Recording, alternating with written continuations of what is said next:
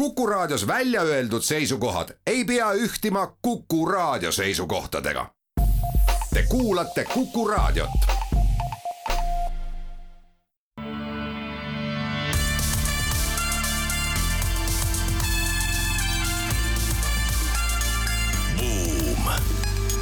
buumile annab hoogu SEB Pank tere päevast, on kuues juuli aasta kaks tuhat kakskümmend kaks, oleme taas eetris Buumi saatega, saatejuhid Anto Liivat ja Raivo Vare. meil on hea meel teatada, et alates tänasest toetab Buumi saadet SEB Pank ning meie külaliseks on Tatjana Vakulenko, SEB Panga väikese ja keskmise suurusega ettevõtete segmendi juht, pooled Eesti ettevõtetest näevad sõja tõttu käibelangust. Uurime, mida SEB andmed täpsemalt Eesti väikese ja keskmise suurusega ettevõtete kohta ütlevad, aga enne seda loomulikult uudised. kõigepealt räägime sellest, et Venemaa suured metallide tootjad Nornickel ja Rusal tõenäoliselt ühendatakse teiseks räägime sellest, et president Biden kaalub Hiinale kehtestatud sanktsioonide leevendamist ja muuseas motivatsiooniks on soov võidelda inflatsiooniga ja vähendada kahjusid Ameerika ettevõtlusele. Arutleme ka selle üle, miks ainult kümmekond protsenti ettevõtetest suudavad oma struktuuri strateegiaga kooskõlla viia ja väga huvitava uuringuga on tuldud välja seoses tööstusrobotite mõjuga äh, personalile, ehk siis inimesed, kes töötavad koos robotitega, reageerivad sellele ja reageerivad seejuures niimoodi, et on teatud vaimse tervise probleeme, kusjuures tehakse veel vahet, et neid on rohkem Ameerikas ja pole Saksamaal.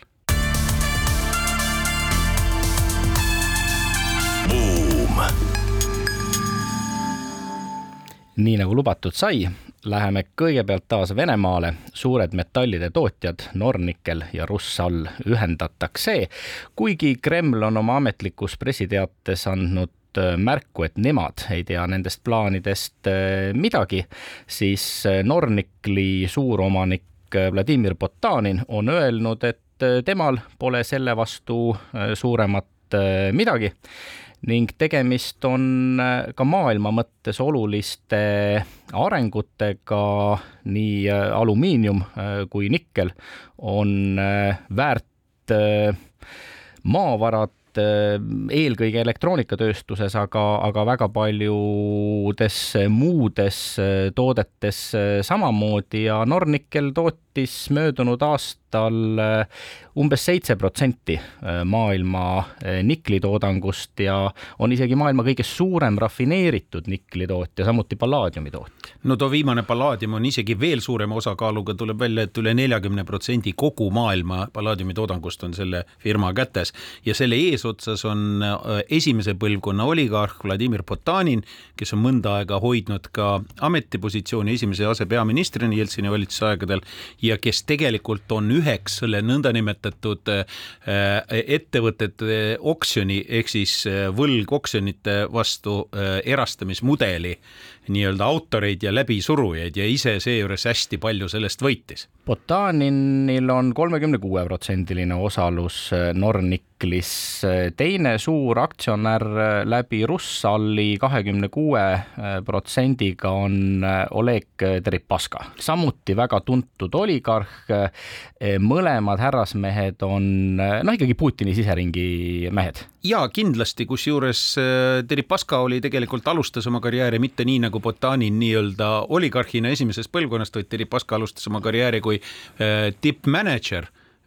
oligarhide juures nagu mitmed teisedki tuntud Venemaa oligarhid, Mahmudov näiteks ja Lisin ja, ja ta mingil hetkel võttis selle alumiiniumiäri nii-öelda endiste omanike käest ära, muutus suureks, võttis partneriks veel ühe mänedžeri, kellest sai superoligarh ehk siis Abramovitši, panid seljad kokku, erastasid selle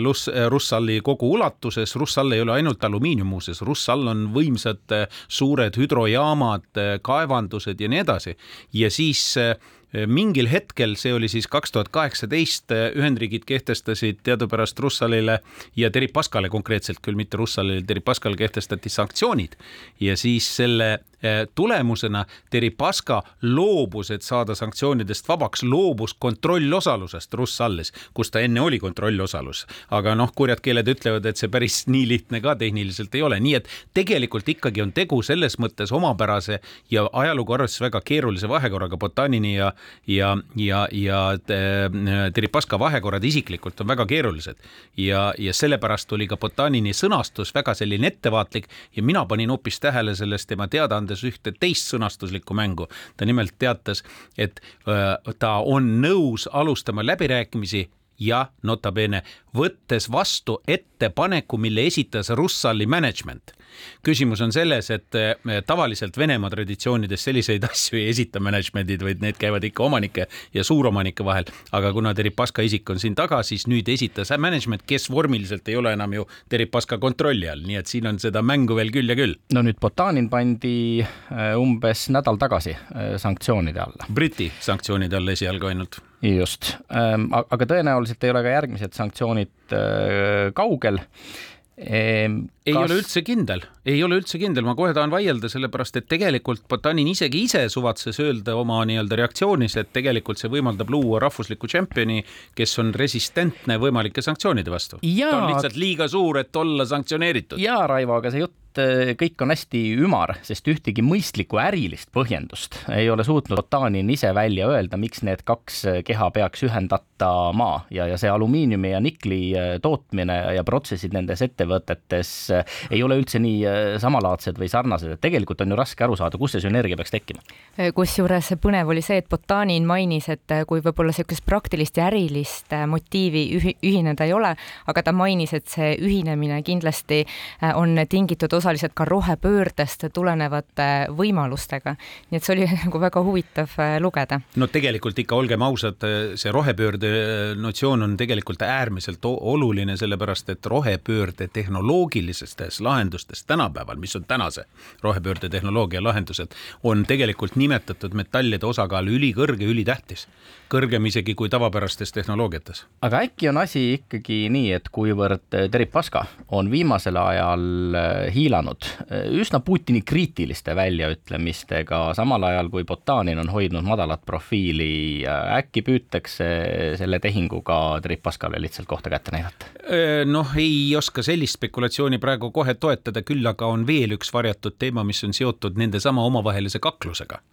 nimelt eh, seal on olnud pikka aega laual probleem, kuidas jagada dividende niivõrd suurest ja olulisest ja profitaablist ettevõttest, nagu seda Nornickel on.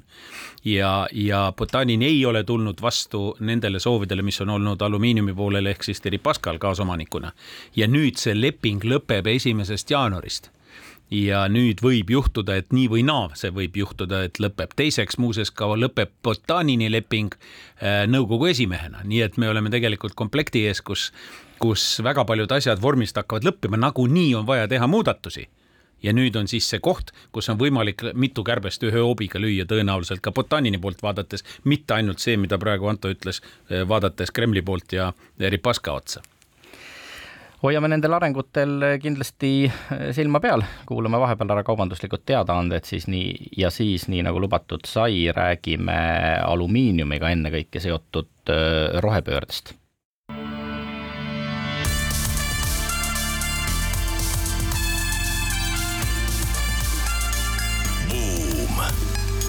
Buumile annab hoogu SEB Pank oleme tagasi Buumi eetris, saatejuhid Anto Liivet ja Raivo Vare, meie tänane saatekülaline on Tatjana Vakulenko, SEB Panga väikese ja keskmise suurusega ettevõtete segmendi juht. lubasime nüüd rääkida alumiiniumist ja rohepöördest. nimelt on Ameerika Ühendriikides tekkinud defitsiit Äh, alumiiniumlehtedest, millest oleks võimalik äh, valmistada muuhulgas äh, plekkpurke erinevate jookide tarvis ennekõike ja kus häda kõige suurem, seal abi kõige lähem maailma kõige suurem lehtalumiiniumi tootja Hindalco, India ettevõte, on andnud teada, et investeerib kaks pool miljardit Alabamasse selleks, et et äh, kasvatada oma võimsust taaskasutada plekkpurke ja väidetavasti peaksid nad selle uue tehase abil suutma äh, iga-aastaselt üheksakümmend miljardit äh, plekkpurki lehtalumiiniumiks ümber toota ja nad on samuti maininud ka seda, et äh, tarbijate nõudlus äh,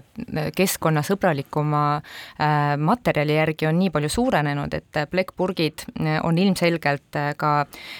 tarbijate poolt nõutud. aga mis on veel positiivne minu arust selle uudise poolt on see, et seesama uus tehas, mida nad plaanivad ehitada, nad plaanivad ka seda teha süsinikuneutraalseks, mis tähendab seda, et tootmine ise äh, oleks süsinikuneutraalne kui ka energia tarbimine. Äh, lisaks nad ütlesid ka seda, et logistikas plaanivad nad kasutada näiteks rongiliiklust ja lihtsalt üks väike paralleel, et äh, kas SEB-s viisime läbi ka väikse keskmise suuruse ettevõtete seas ähm, küsimustiku, kus uurisime nende valmisolekut äh, ja, ja vaadet roheteemadega seoses. Ja tegelikult kolmandik vastajatest ütles, et nemad näevad, et jätkusuutlikkuse trendid kindlasti mõjutavad nende äri ja kui me uurisime nende käest, et äh, mis on nii-öelda need põhimotiivid jätkusuutlikkusse investeerimaks, siis nad mainisid tegelikult, äh, enamus mainiski just seda, et tarbijapoolne nõudlus ja samuti partnerite ja tarneahelate äh, konkurentsieelis on see, mis sellist jätkusuutlikku investeerimist nendes trigerdaks ja see on selles mõttes minu arust ka väga positiivne, et äh, praegu jutt käib hästi suurest äh, ülemaailmsest globaalsest ettevõttest, aga ka väiksed SME-d tegelikult juba mõtlevad sellele aga see on ka ringmajanduse teema, sellepärast et seesama alumiiniumpurk on ju tegelikult tehakse teda roheliselt, eks ole, ja siis, kui ta on kasutatud, siis ta läheb uuesti kasutusse juba ringmajanduse loogikate järgi, erinevalt näiteks maailma reostavast äh, plastiktaarast, mille, mille vastu tegelikult muu ei aitagi, eks ole. alumiiniumi häda on lihtsalt selles, et tema äh, tootmine on äh, algupäraselt ju kallis, umbes pool tootmiskulust on energia, samal ajal kui taas. ta on väga energiamahukas tootmine. just, samal ajal kui taaskasutatava alumiiniumi tootmine on umbes ainult viis protsenti äh, energiakulust, mis kulub siis äh, alumiiniumi algseks tootmiseks, aga Ühendriikidel on alumiiniumiga kitsas käes, kas see võib olla ka põhjus, miks Biden on valmis arutama sanktsioonide leevendamist Hiinale? absoluutselt, sest juba siis, kui Biden viis sisse Venemaale sanktsioonid, kui me mäletame siin äh, kevade hakul energiakandjad jäeti välja, jäeti välja teravili ja jäeti välja alumiinium ja põhjendati lausa Biden ise isiklikult põhjendas sanktsioonid välja kuulutanud seda sellega, et see on tarbija huvides ehk siis Ameerika turu ja maja, majanduse vajaduste huvides, nii et see häda on juba pikemat aega seal olnud ja kui me võtame eelduseks, et, et seejuures maailma suurim alumiiniumitarnija ei olegi vaatamata kõigele, millest me enne rääkisime, siiski Venemaa, vaid hoopiski Hiina Hiina on maailma suurim tootja, siis loomulikult kõik see projitseerub USA-Hiina vastasseisule, mis on geopoliitiline, geomajanduslik. lihtsalt korraks raadiokuulajale e, meenutamiseks, kui te vaatate enda ümber ringi, kui palju on igal pool äh, alumiiniumit siis see, et Hiina annab kuuskümmend protsenti kogu maailma alumiiniumi toodangust, tähendab muuhulgas seda, et nad toodavad kümme korda rohkem alumiiniumit kui, eh, kui, kui Venemaa või India või, eh, või, või, või teised. ehk siis see maailma sõltuvus Hiina alumiiniumist on ikka märkimisväärne. ja alumiinium on praktiliselt igas asjas, mida me tegelikult igapäevases elus tarbime, ühel või teisel viisil esindatud. ja sellepärast loomulikult Ühendriigid on asunud ka ümber vaatama seda tänast tariifisõda, mis on tegelikult neil praegu Hiinaga. ja see tariifisõda teadupärast sai alles hoo sisse eelmise presidendi Trumpi ajal, kus siis rakendati äh, tohutul hulgal piiravaid tariife, millele siis hiinlased omakorda ka siin osaliselt ekvivalentselt, osaliselt mitte vastasid igasugustele kaupadele ja nende hulka näiteks kuulusid ka, ka äh, teras ja alumiinium näiteks ka äh, mitmesugused äh, äh, lennundusega seotud kaubad ja loomulikult igasugused motondusega seotud, võib nii öelda, kaubad ja samuti tööstusseadmed. ja seal igal pool on ka seda alumiiniumit, aga mitte ainult, üldse see on metalli nii-öelda keskne maailm võib-olla mõneti võttes. sest hiinlased on teadupärast kaugelt maailma suurimad terasesulatajad, millest me peame ka ütlema, praktiliselt kogu maailmast üle poole teevad nemad terast ja väga paljudes teistes metalligruppides ja sellest me oleme siin saates rääkinud, näidanud, et haruldaste muldmetallide puhul näiteks on hiinlaste osakaal paiguti üle üheksakümne protsendi lausa, nii et, nii et tegelikult on see Hiina ülemvõim metallides nii suur, et täna isegi Ühendriigid juhtiva majandusena ei saa endale lubada nii-öelda lihtsalt võitlust nendega, vaid peavad tegema teatud kompromisse isegi oma poliitikas. kõrged energiahinnad, mm, toorme nappus ja, ja teised väliskeskkonna arengud Äh, võivad sundida paljusid ettevõtteid üle vaatama oma ärimudeleid, aga sellega seoses kindlasti ka strateegiat ja kui juba strateegiat üle vaadata, tuleks üle vaadata ka ettevõtte struktuur. Äh, niimoodi kirjutavad ka Ron Carucci ja Gerard Chappell äh, värskes Harvard Business Review numbris, esitades muuhulgas ilusa metafoori, et ettevõtte struktuur on justkui tema riistvara ja kultuur ning pürgimused tema tarkvara. Ja nii nagu me hästi teame, manussüsteemide puhul äh, peavad tark ja riistvara omavahel kokku töötama, aga ettevõtete puhul on ainult kümme protsenti neid, kes suudavad oma struktuuri strateegiaga kooskõlla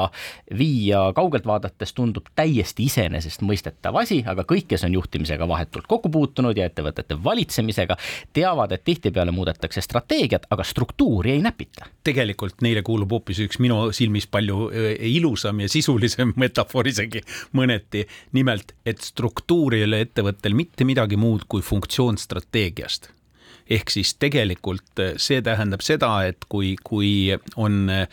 struktuur ükskõik millise, missugune strateegiaga ei ole asjad paigas, siis see ei aita. ja kui on strateegia ükskõik missugune, aga struktuur seda ei toesta ei ole seda õieti üles ehitatud, siis see ka samuti ei toimi ja siis nad seal ka toovad pika näite või õigemini põhjaliku näite sellest ühest tarkvaraettevõttest, kus nimede järgi otsustades on tegu rahvusvahelise ja natukene slaavi taustaga ettevõttega, kus, kus tegelikult täpselt selline asi ka alguses juhtus ja kuidas nad sellest välja on tulnud.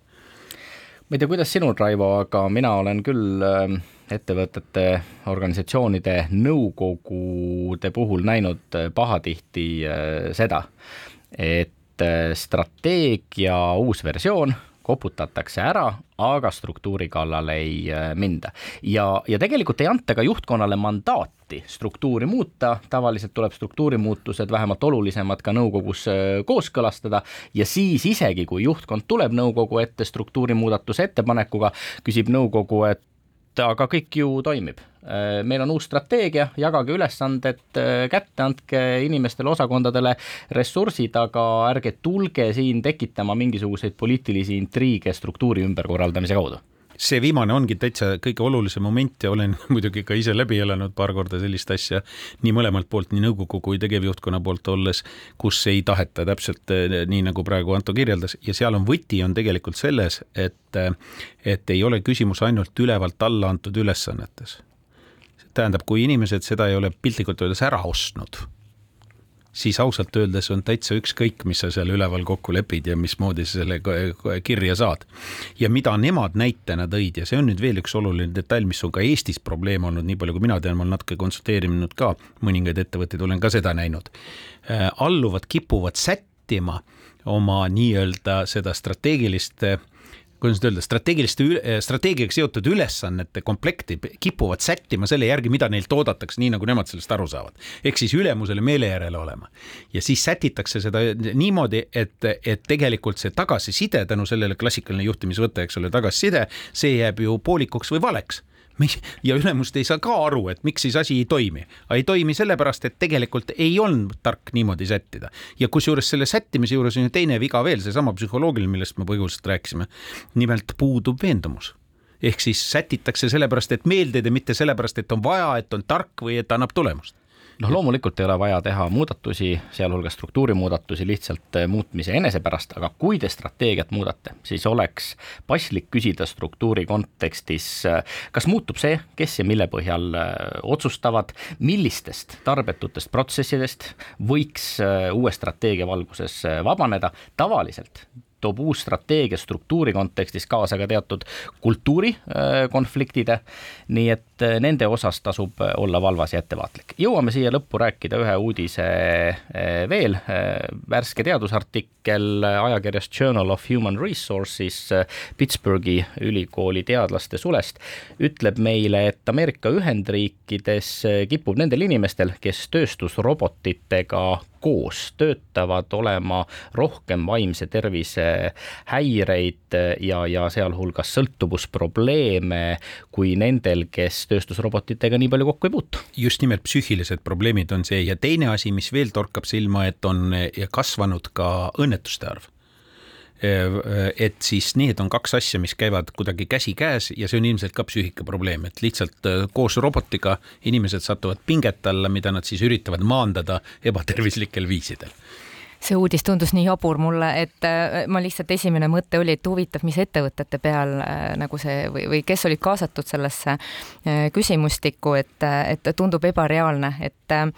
minu arvates robotid ju ei tee muud, kui võtavad ära kõige nürimat, ebavajalikku või niisugust igavat tööd ja läbi selle tegelikult inimese vaimse tervis võiks ju vastupidi nagu paraneda, sest inimene saaks tegeleda asjadega, mis päriselt lisavad väärtust. võtame ka meie, et noh, et okei okay,, kopad rahad võtsid ära tööd päris paljudelt inimestelt, on ju, aga noh, ma ei kujuta ette, et kõik need labidamehed praegu siin maju ehitaksid meil. ma lihtsalt saan mainida, okei okay,, me ei ole tööstusettevõte, aga meil SEB-s on ka juba üle kaheksakümne roboti ja ma ütleks küll, et, et need on väga kihvtid tegelased, neil on omad nimed ja, ja noh, nad ei pea puhkusel käima, aga kõik muu nagu kindlasti toimib no mina ainult ühte asja oskan siit veel kommenteerida, eks me oleme rohkem sakslased, lihtsalt sellepärast me ka suhtume selliselt, sellepärast et see uuring tõi ka välja ka autorite üllatuseks, et et sakslaste puhul, kus on ju ka väga suur tööstusrobotite osakaal täna tööstus juba, et seal nagu selliseid probleeme ei olnud, vastupidi, seal paranes mitte ainult efektiivsus, millest, mida robotitega ju taga aetakse, vaid paranes ka tegelikult näiteks seesama näite, õnnetuste näite oluliselt vähenes. ja, ja ka mentaalseid probleeme sellist sakslaste puhul millegipärast ei täheldatud, aga vaata Ameerika töötajaskonna puhul see probleem oli mingipärast. eks see teema väärib kindlasti ka edasist uurimist, teadlaste esialgne hüpotees on see, et riikides, kus töötajate õigused on rohkem kaitstud ja töösuhted paremini reguleeritud, kardavad inimesed vähem oma töökoha kadumise pärast või sellepärast, et robot võtab tema töö äh, ära. kas see ka täpselt nii äh, on, eks elu ja järgmised uuringud näitavad. nüüd aga kuulame taas ära kaubanduslikud teadaanded ning seejärel jätkame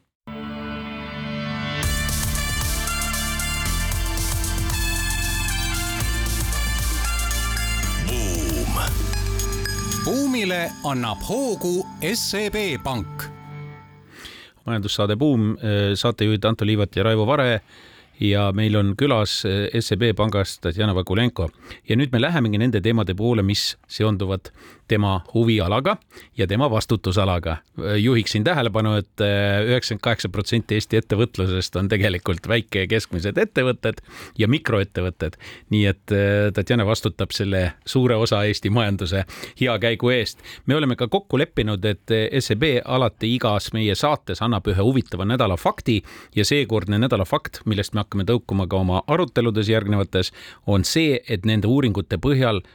on eh, teada, et pooled Eesti ettevõtted näevad sõja tõttu käibe langust ja tõsi, et äh, seda uuringut viime läbi tegelikult iga aasta jaanuarikuus, aga, ja nüüd tegime ka sellel aastal seda, aga siis juhtus selline asi, et tuli Ukraina sõda ja siis me kohe saime aru, et need uuringu tulemused ei olnud enam relevantsed. seega nüüd maikuus me tegime korduvuuringu ja siit tulidki need põnevad faktid. ja nagu äh, sa just ütlesid, et äh, nii on, et kindlustunne on sõja tõttu tunduvalt halvenenud äh, väikestel keskmistel ettevõtetel ja lausa nii palju, et äh, kui ütleme, jaanuarikuus prognoosis käibelangust äh, circa viisteist protsenti ettevõtetest, äh, siis nüüd maikuus läbi viidud uuringus lausa viiskümmend protsenti. nii et kolmekordistunud on siis nende ettevõtete arv ja kui me võtame veel Läti-Leedut, siis tegelikult nende prognoosid on veelgi pessimistlikumad noh, omaette nüüd küsimus on, kas äh, need prognoosid lähevad täide, sest kui vaadata noh, inflatsiooni, äh, mis täna meil on, et, et noh, tegelikult see käibe kasv juba tuleneb lihtsalt inflatsiooni põhjusel, aga kui me siis küsisime nagu natukene täpsemalt, et mis on siis see, mis mõjutab ettevõtte väljavaateid ja majandustulemusi, siis kõige esimesena ja kõige äh, kuumemana toodi välja just nimelt kõrgeid energiahindasid. Äh, teisel kohal olid siis probleemid tarneahelates ja kolmandal kohal olid probleemid siis arvete maksmata jätmises me võime nüüd natuke lähemalt äkki iga äh, selle probleemi kohta ka vaadata noh, energiahindadest äh, siin oleme juba äh, rääkinud, eks ole, kõik alates elektrist, maagaas, küte, kütus, kõik on meeletult kallinenud ja ja seejuures tegelikult tuleb ka jälgida seda, et, et energiasisend on suhteliselt kõrge osakaaluga Eesti tootmisettevõtetes ja ka isegi teenindusettevõtetes on seal päris palju. Aga me oleme harjunud selle odava elektriajaga, mistõttu sellest tulenevalt võib-olla ei ole ka liiga palju pööratud tähelepanu energia efektiivsusele. ja äh, eks SME-de puhul on ka see häda, et nende väiksus ei tingi ka eriti suurt ja kiiret nii-öelda äh, võimekust äh, näiteks energia kokkuhoiu osas astuda kvalitatiivseid samme, jah kvantitatiivseid küll, aga kvalitatiivseid, pidades silmas uute tehnoloogiatesse, uutesse tehnoloogiatesse investeerimist. ja investeerimine minu meelest, äh, Tatjana, paranda mind, aga minu meelest on investeerimise probleem eraldi teema, millest me peaksime ka rääkima. sellele ja kindlasti. aga me tuleme selle juurde tagasi ja äh, lisaks tarneraskustele muidugi on ju äh, ka teised sisendhinnad lisaks energiale kasvanud peaaegu kõigis äh, valdkondades, aga noh, kõige rohkem muidugi nendes valdkondades, mis äh, olid äh, seotud impordiga Venemaalt või ka Ukrainast, olgu need siis väetised või, või mis iganes metallkomponendid, teras ja nii edasi, nii edasi, nii edasi ja, ja väikeettevõtetel pole ju ka suuremat äh, kauplemisjõudu, et neid hinnaläbirääkimisi pidada, kannatad ära või äh, paned poe kinni. ja teine pool asjast on see, et nad ei jaksa ka äh, lihtsalt käibevahendite nappuse tingimustes, nad ei jaksa ka suurt ladu endale luua, ehk siis seda tagavara teemat, mida näiteks mõned suured ettevõtted kasutasid sõja alguses, oli kohe lausa näha, kuidas osteti endale nii-öelda laod kurguni täis. seda noh, väikeettevõtted ettevõtted ka väga teha ei saa, nii et nad on selles mõttes natuke rohkem isegi lõksus selliste äh, muudatuste puhul turgudel. Tatjana, kuidas nende käibevahenditega SEB vaatest äh, on, kas ettevõtjad pöörduvad teie poole oma, oma muredega, kui palju nad pöörduvad? ja seda me oleme ka täheldanud, et äh, sellel aastal noh, investeeringutest räägime veel eraldi, aga, aga investeerimislaenude osatähtsus on äh, vähenenud, see-eest ettevõtted pigem vajavad praegu käibekapitali just nimelt selleks, et tulla toime nende tõusnud sisendhindadega ja samuti, et noh, näiteks kui me põllumajandusest räägime, siis ka siin me näeme seda, et väetiste kallinemise tõttu juba praegu tahetakse ette osta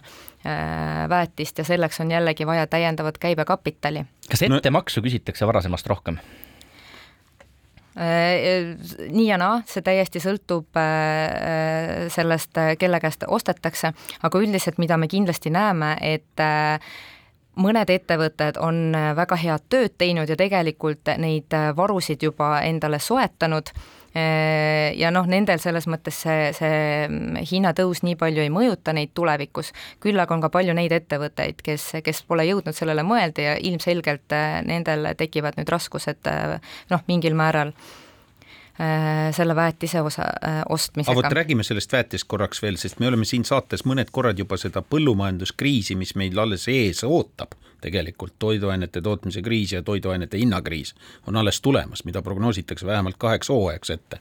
ja üheks komponendiks lisaks sellele kõik, mis seondub Ukraina teraviljaga ja teravilja puudusega ja kõige muuga, üheks kriisikomponendiks on ka väetiste kallinemine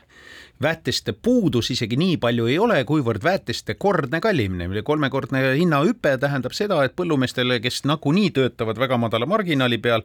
ja sesoonsuse peal, nende jaoks on see väga suur käibekapitali probleem ja see on nendele väga suur ka tegelikult noh, ütleme niimoodi, et tasuvuse probleem või teenivuse probleem. ja sellepärast, et see ja see kõik omakorda tõukab üles ka toiduainete hindu ja väetiste puhul jällegi teine pool asjast on seotud sellega, et midagi ei ole teha, isegi Ukraina on märkimisväärne väetiste tarnija, aga Venemaa on väga suur väetiste tarnija, kolmandik Euroopa väetistest tuleb Venemaalt ja, ja, ja, ja Venemaa tegelikult, kui me vaatame, mida ÜRO praegu selle oma initsiatiivi raames püüab teha, siis ta püüab lahendada paralleelselt teravilja teemaga, paralleelselt ka väetiste saadavuse teemat. no omaette huvitav küsimus on muidugi see, mida ikkagi peaks tegema äh, selle Venemaa väetisega, mis Euroopas erinevates paigus on äh, nii-öelda arestitud või, või külmutatud?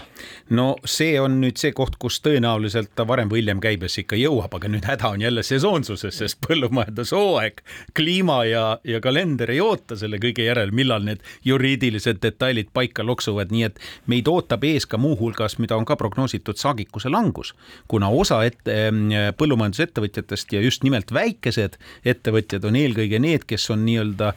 praegu kohanemisstrateegia raames teinud mida, kas väetavad vähem või lausa lähevad üle mingite teiste põllukultuuride kasvatamise peale, mis ei nõua nii palju väetisi, selleks et olla nii-öelda elus jätkuvalt. aga see tähendab jälle omakorda toiduainete nappust, eriti mõningates piirkondades. meile see ei tähenda, veel kord raadiokuulaja, kallis raadiokuulaja, ei ole karta, et meil mingi nälg tuleks. meil on aga karta, et meil lähevad need hinnad paratamatult üles, sest tegu on globaalse turuga ja need hinnad lihtsalt jooksevad sinna, kus need jooksevad. Tatjana, sa mainisid, et võrreldes jaanuarikuise uuringuga on pea kahekordistunud nende ettevõtete osakaal, kes selleks aastaks investeeringuid ei plaani. on see ainult sõja mõju või äh, paistavad kuskilt ka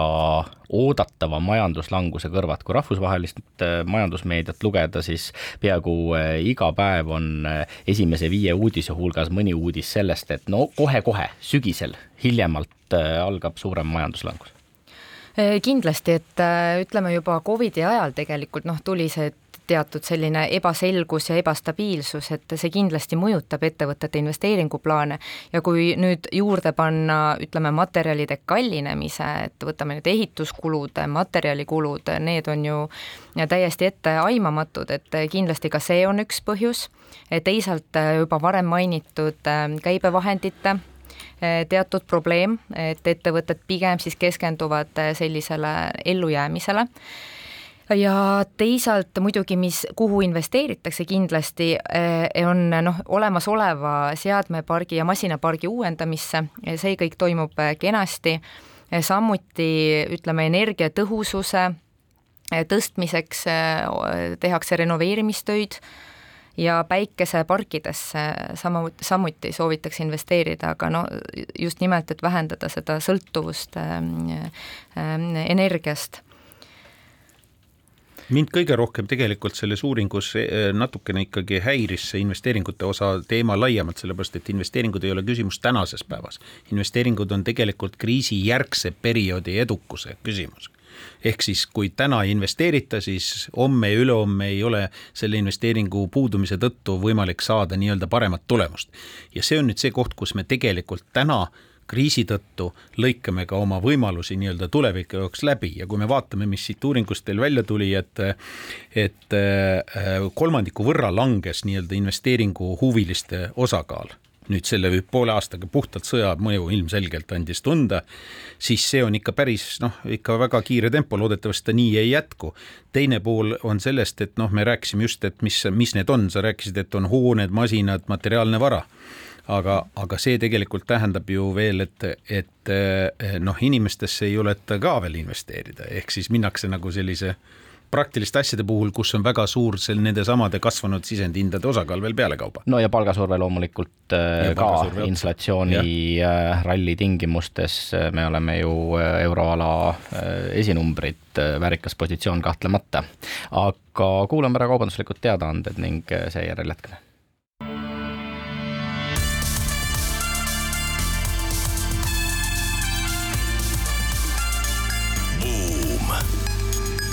buumile annab hoogu SEB Pank. oleme tagasi Buumi eetris, saatejuhid Anto Liivet ja Raivo Vare ning meie saate teemaks on väikese ja keskmise suurusega ettevõtete toimetulek, külaliseks Tatjana Vakulenko SEB Pangast jätkame pisut veel väikeettevõtete investeerimisvõimekust võimekusega. millesse ennekõike investeeritakse ja kuidas meie ettevõtete investeeringud võrdluses Läti ja Leeduga näiteks välja paistavad? Nende nüüd ettevõtete osakaal, kes plaanivad investeerida sellel aastal, on vähenenud, nagu me just enne arutasime, nagu oluliselt vähenenud. aga siiski, need, kes ikkagi plaanivad investeerida, siis investeerivad, eks ole, pigem hoonetesse või nii-öelda sellistesse kõvadesse või asjadesse Läti on siin, paistab nagu rohkem silma, et just nimelt Lätis kõige enam selliseid investeeringuid tehakse aga mis nüüd nagu muret teeb lisaks sellele, et investeeringuid üldse väga ei taheta teha, on see, et näiteks investeeringud sellistesse digitaliseerimisse või automatiseerimisse innovatsiooni on veel eriti madalaks langenud noh, Eesti puhul ainult kolm protsenti ettevõtteid plaanib sellistesse asjadesse investeerida. no me oleme e-riik, kuidas siis no niimoodi? nii, aga Läti, Leedu näiteks kuus ja seitse protsenti, nii et me, meil on kaks korda väiksem number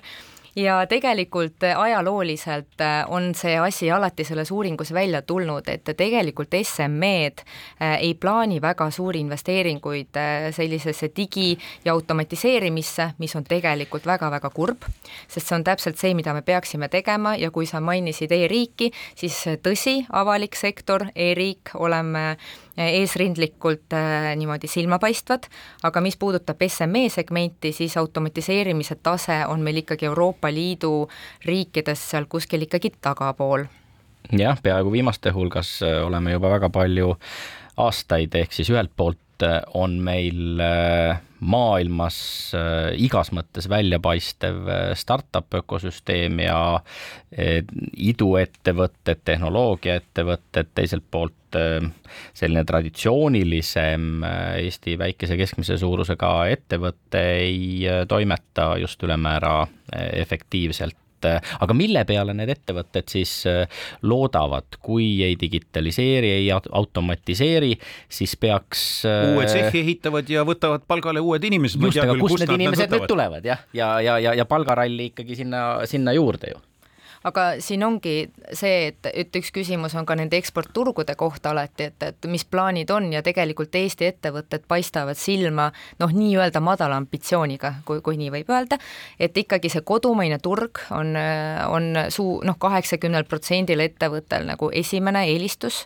ja need automatiseerimised, digitaliseerimised on äärmiselt olulised ju, eks ole, kasvuks ja kuhugile väljaminekuks, et see ei ole pikas perspektiivis kindlasti jätkusuutlik. oota, kas nad siis ei taha kasvada, nad lepivad koduturuga ja noh, kui kasvavadki pisut-pisut lihtsalt mm. efektiivsuse kasvatamise arvelt rohkem, teevad natukene neid asju, mida on vaja koduturu jaoks ja aitab küll, ei ole vaja millekski rohkem investeerida. nii on ja ütleme niimoodi, et kor-, mitte koroonaga, vaid, vaid sõja kontekstis see koduturu osatähtsus suurenes veelgi ja tõsi küll, et sisetarbimine on piisavalt hea olnud ja, ja kogu seda noh, ettevõtlust nii-öelda vedanud, mis ei tähenda nüüd seda, et pikas perspektiivis oleks see jätkusuutlik, sest me teame globaliseeruvas maailmas, et üks asi, et sa ei taha ise välja tulla, samas teised riigid globaalselt, teised ettevõtted, eks ole, globaalsetest riikidest tulevad ise siia ja see konkurentsiolukord ei ole sugugi hea, arvestades meie tööjõuturu olukorda robotitest rääkisime just enne, et äh, tegelikult robotid oleks üks võimalus, kuidas äh, meie ettevõtted suudaksid äh, laieneda ja, ja suuremaid mahtusid saavutada, aga noh, selleks tuleb jällegi investeerida. Aga, aga järsk... kuidas Lätis ja Leedus on, ma küsin enne selle ka ära, et me ära ei unusta, sest ikka tahame võrrelda eelkõige omasugustega Lätis ja Leedus on äh, suhteliselt analoogne, aga kui me võrdleme Leeduga näiteks, siis Eesti SME-d on ju keskmiselt väiksemad äh, kui, kui Leedu SME-d ja Eestis ütleme, et ikka väga suur hulk on selliseid ühe-kahe äh, noh, inimese ettevõtteid. Ja, ja olgem ausad, mida väiksem ettevõte on, seda noh, keerulisem on leida seda motiivi nii-öelda investeerida just digitaliseerimisse, automatiseerimisse. et noh, kindlasti need asjad käivad käsikäes ja, ja ambitsioon samamoodi käib käib, käib sellega kaasas. no me räägime palju sellest, et ettevõtted on väheambitsioonikad. järsku ei olegi probleem mitte niivõrd selles, et nad ei taha, vaid et nad ei oska noh, see on niisugune filosoofiline küsimus, et äh, kui on tahe, siis, siis tuleb ka oskus, et äh, mis tuleb ees. aga no kindlasti me ei, noh, SEB-s on olemas kasvuprogramm ja kasvuprogrammis me just nimelt nagu õpetamegi ettevõtteid olema ambitsioonikad, kasvada mitte kümme protsenti, vaid kümme korda. ja selleks ilmselgelt tuleb muutuma ärimudeleid ja teha julgeid otsuseid ja ka roboteid, noh, ja mis iganes auto, automaatseid süsteeme leiutada kohta. ja sellest kusjuures rääkides veel oleme ka seda uurinud ju alati, et et noh, üks asi on automatiseerimine nagu, nagu protsesside tasemel, teine asi on müük ja, ja digimüük. et ka siin tegelikult, olgem ausad, arenguruumi meie SME-del on kõvasti et äh, noh, ligi viiskümmend protsenti ettevõtteid ei, ei müü oma tooteid-teenuseid digitaalselt. koroona tõesti muutis seda trendi ja noh, koroona puhul me nägime ka seda, et need ettevõtted, kes, kes olid võimelised kiiresti oma müüki nii-öelda digikanalitesse suunama, nemad ka võitsid, eks ole, paljuski selles olukorras, no aga jah aga kuidas töötajaskonna poolt vaadates on see pilt tegelikult, kui me ütleme, et noh, et masinaid eh, mõõdukalt ja laieneda väga ei taha, aga täna on juba probleem selles, et sa ei saa inimesegi enam juurde. vaata, et hoia kuidagi needki enda juures, kes muidu ära lähevad, tööjõupuudus on ju kasvav trend igal pool Balti riikides minu teada, kaasa arvatud ka meil. mis see küsitlus näitab, kas sõda on ka seda kuidagi mõjutanud? Äh, sõda on äh, mõjutanud nii palju, et ähm, töötajate arv jääb samaks, vähemalt niimoodi prognoosisid circa kuuskümmend protsenti ettevõtetest. Äh, Eesti oli, Eesti ja Läti olid nagu kõige suurema osatähtsusega siin ja Eesti ja Läti ütlesid ka seda, et kõige rohkem neist ei tea, mis tegelikult, kuidas see töötajate arv muutub, mis tähendab seda, et ebakindlus on tegelikult väga-väga suur ja no seda peegeldab ka, eks ole, üsna pessimistlik äh, väljavaade äh, käibekasvuks ja kõik need investeerimis madal aktiivsus ja kõik see pool ka. aga jällegi noh, nendes ettevõtetes, kes ütlevad, et nad tahavad suurendada töökohtade arvu, neid oli kolm või neli protsenti kogu SME ettevõtetest, keda me küsitlesime, siis äh, Eestis äh, umbes sama palju ütles ka, nad sooviksid siis Ukraina äh, pagulasi siis enda, endale tööle võtta. mis valdkondade ettevõtted need ennekõike on, kes Ukrainast loodavad töötajaid leida? no ikkagi need on põhiliselt majutus, toitlustus, jaekaubandus, tootmissektor et noh, ikkagi sellised sektorid, kus saab eh, noh, selle keele, keele kasutamise ja, ja ümber noh, õppega nagu kiiremini hakkama. no need reeglina on ka ikkagi sellised madalamapalgalised eh, töökohad, eh, kui palju ettevõtjad näevadki mm, ennekõike mitte madalampalgalised, vaid madalapalgalised sellepärast, et need töökohad ei eelda keeleoskust ja on tavaliselt seotud madalama kvalifikatsiooniga. see on vist õigem öelda aga no probleem äh, Ukraina pagulaste, noh, mitte probleem, aga üks äh, teema veel, et väga palju on lapsi, eks ole, et, et äh, ega, ega noh, ei ole nii lihtne neid tööle võtta, et need üksikud emad, kes siin lastega on, et et noh, see kõik on natuke palju keerulisem. no samal ajal me näeme, et näiteks majutus, toitlustussektorist Äh, olid paljud inimesed sunnitud äh, koroonapandeemia tingimustes äh, lahkuma, liikusid näiteks tootmisalale, ega nad ju ei tule sealt tagasi. samal ajal inimesed tahaks jälle reisida, käia väljas söömas, kulutada kas siis pensioniraha, kui seda peaks veel alles olema, või, või, või sääste, mida ei saanud kulutada pandeemia ajal. kuivõrd tõsine see tööjõunappus äh, täna ikkagi on? No Mihkel Nestor on parim inimene, kes oskaks seda kommenteerida, aga, aga eks me siin päriselus ju tegelikult näeme ise ka, et kui me läheme kohvikusse või, või restorani, ma arvan, et me kõik ise ka tajume seda, seda tööjõupuudust. Ja no kui vaadata, mis siin Lufthansa äh, lendudega, eks ole, mis bardakk toimub lennujaamades, et see on jällegi üks äh, hea näide sellest, kuidas, kuidas, ma ei tea, kuidas selliseid otsuseid tehti, et, et nüüd inimesed enam ei reisi ja, ja nii ta jääb elu lõpuni näiteks, et noh, huvitav jälle jah tegelikult siin on vist see kriisist väljatuleku kiirus on see, mis on ehmatanud ja milleks ei oldud valmis, sellepärast et mina tean neid eh, lennufirmade plaane niivõrd, kuivõrd nad plaanisid seda ajapikku tasapisi võtta inimesi tagasi. ehk siis oleks jõudnud küll, kui oleks nii läinud, nagu plaaniti, et kahekümne viiendaks aastaks alles taastuvad reisijate vood. tuli välja, et kõik toimus üleöö ja selleks ei oldud valmis. aga ukrainlaste kohta ma tahtsin veel ühte asja küsida, ma olen tähele pannud selles samas teeninduses liikudes, et on sellised sildid väljas, et meil teenindajal võib olla probleeme keele valdamisega, et alles õpivad. Seal keegi ei ütle ukrainlased või mitte, aga tundub väga tõenäoline, et see on seotud just nimelt Ukraina põgenikega. kas üldse teil seal pangas on näha, et seda Ukraina tööjõudu on ikkagi võetud, on keeruline, jah, igale poole ei saa ja nii edasi, aga üldiselt võetakse, seda enam, et et teie uuringu enda järgi näitas, et näiteks Lätis oli palju kõrgem see valmisolek võtta, võtta äh, Ukraina tööjõudu ja samal ajal näiteks Leedus, kes on ju kõige tihedamalt iseenesest muus mõttes seotud Ukrainaga, oli see kõige väiksem Balti riikidest ja nii on, et äh, noh, Leedu valmisolek äh, oli väga-väga suur, aga jällegi, et kas see toob leevendust nagu päris leevendust, see on ju ka väga kahtlane, sest et tegelikult ka paljud pagulased on näitanud üles äh, noh, suurt huvi võimalusel, esimesel võimalusel kohe tagasi minna. ehk et jah, valmisolek on ja ütleme ausalt, kogu selles kriisis ma arvan,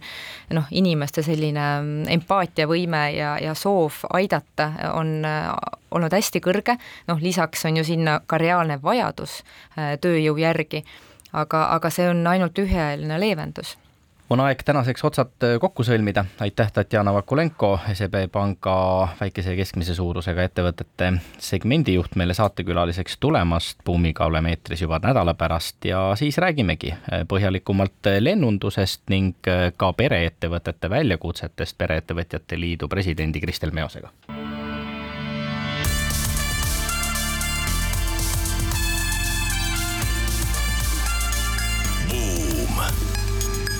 buumile annab hoogu SEB Pank